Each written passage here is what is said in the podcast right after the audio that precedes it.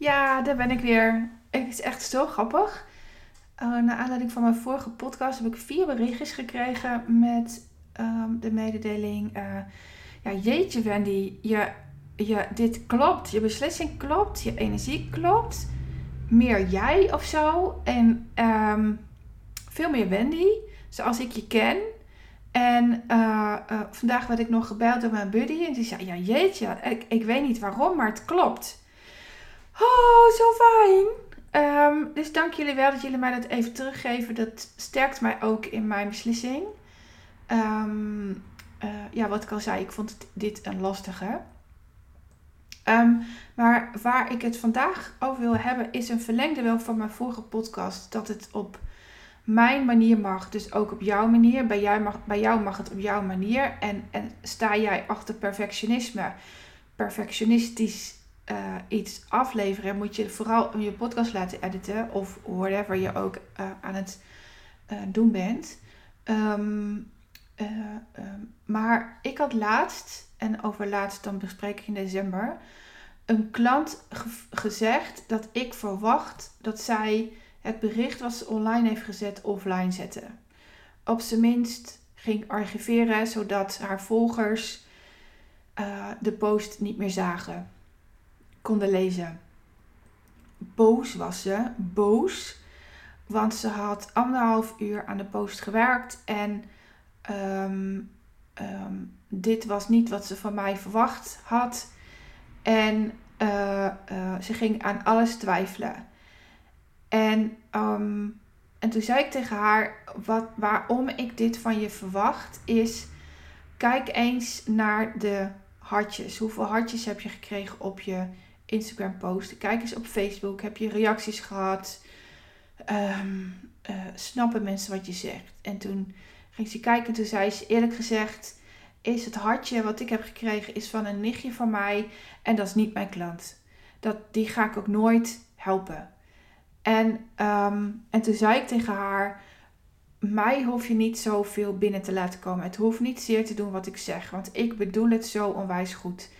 Wat ik namelijk uh, heb gezien, is dat je woorden gebruikt die van mij zijn.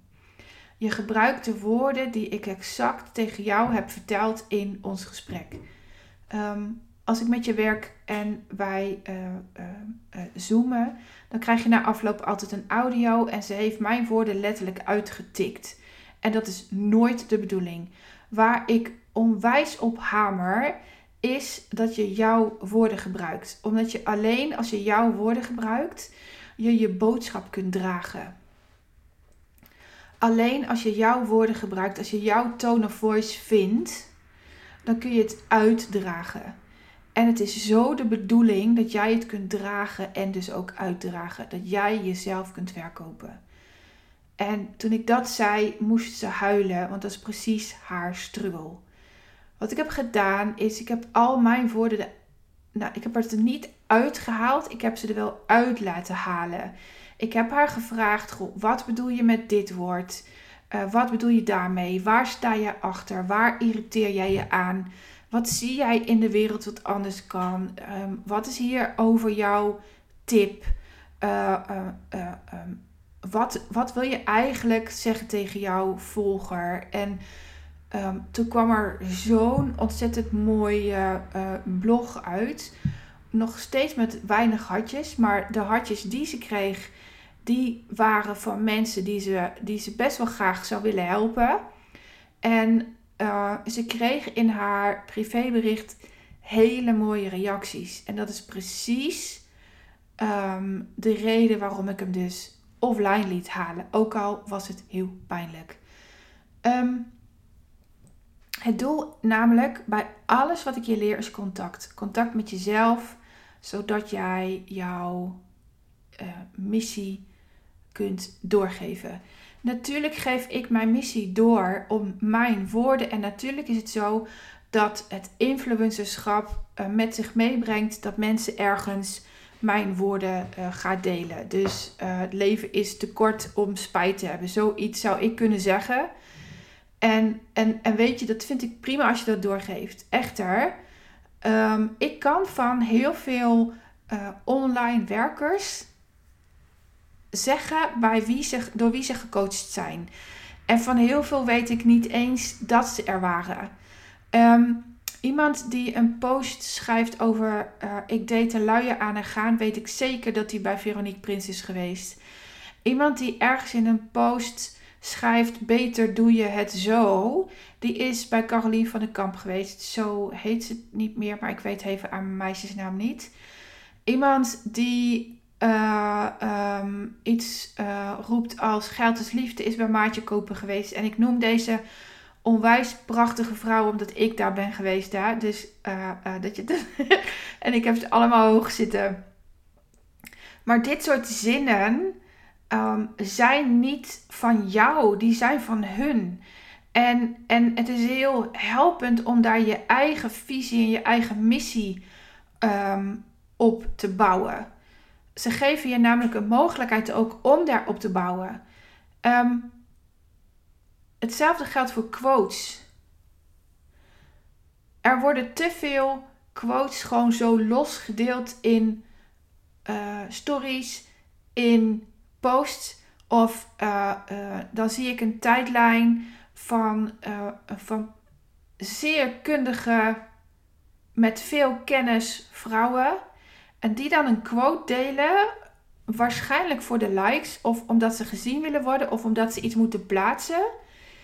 En daar zetten ze niet hun eigen visie bij. En dat is zo'n gemiste kans.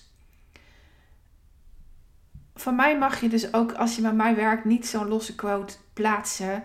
Alleen maar omdat je iets online wilt zetten. Maak dan een storyreeks of maak dan een Facebook post of maak dan Maakt niet uit hoe jij uh, uh, werkt, maar vertel dan ook wat het met je doet, zo'n quote. En, en waarom die voor jou belangrijk is of juist niet. Of uh, waarom zo'n quote voor jou wel of niet werkt. Of hoe je ermee opstaat, hoe je ermee gaat slapen. Maakt niet uit. Maar deel in ieder geval hoe jij daarachter staat in jouw woorden. Een van de trucjes die ik heb toegepast toen ik een um, een uh, schrijversblok had, is dat ik een quote pakte en voelde wat wil ik hier eigenlijk over kwijt. En daar ging ik dan een blog over schrijven. Um, een van de dingen die ik gebruik om, want in, in marketing en business coaches zeggen altijd gebruik de pijn en dus ook de woorden van je klant, is dat ik gewoon heel simpel een vraag neem van de klant dat wordt de basis van mijn blog en ik antwoord in mijn woorden. Omdat ik daar nog steeds mee mijn stempel druk op wie ik ben en wat je bij mij haalt. En, en oh, dit is echt belangrijk om te onthouden dat je het in je eigen woorden doet. Dat je het in je. Dat jij jouw tone of voice meegeeft aan jouw volgers. Omdat je daarmee aantrekkingskracht krijgt en uh, mensen niet, dat, dit vind ik dus echt belangrijk omdat dat je dit weet, dat mensen niet als ze met jou gaan werken voor verrassingen komen te staan. Ik ben overal hetzelfde. Ik zeg ook overal hetzelfde en uh, uh, als ik van mening verander, dan zal ik dat ook in een post aangeven dat ik ergens ben geweest en dat ik een net iets andere nuance in mijn visie heb gepakt of geleerd of heb ontdekt. En, en dan zal ik daar ook eerlijk over zijn. Um, uh, ik wil namelijk niet dat je voor verrassingen staat als je bij mij komt. Dat doe je sowieso, want je krijgt meer dan je aan, aan de voorkant ziet. Uh, um, maar dat is dan beter dan andersom. En, en dit is wat naar mijn mening te vaak gebeurt. Dat je met iets gaat, iemand gaat afspreken en dat het achteraf tegenvalt. Um, laat me even weten wat je van deze podcast vond, of die waardevol voor je was. Uh, vragen kun je altijd stellen onder de post of via DM. Ehm, op Spotify kun je tegenwoordig een ranking aangeven uh, op mijn podcast. Ik zou het heel gaaf vinden als je dat gaat doen, omdat ik zo ook meer luisteraars ga krijgen. Um, wil je alles uit jezelf halen? Zorg er dan ook dat je jezelf uitdaagt om je eigen woorden te vinden, je eigen tone of voice. Want alleen zo word je zo ontzettend aantrekkelijk.